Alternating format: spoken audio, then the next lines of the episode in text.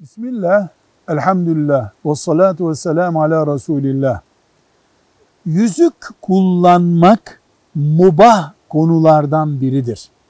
Bir Müslüman kullandığı yüzükten dolayı daha fazla sevap kazanmayı umamaz. Çünkü filan yüzüğü kullanana Allah şöyle sevap verecek diye elimizde sahih bir hadis yoktur. Ama yüzük kullanmanın sünnet olan şekilleri vardır. Mesela yüzüğü erkek yüzüğü kadın yüzüğü diye ayırıyorsa toplum erkek yüzüğü ayrı kadın yüzüğü ayrı kullanacağız. Mesela erkekler asla altın yüzük kullanmayacaklar. El parmaklarından hangisine takıldığı konusu ise çok önemli değil.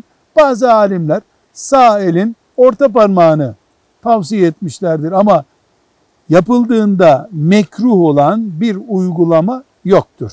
Velhamdülillahi Rabbil Alemin.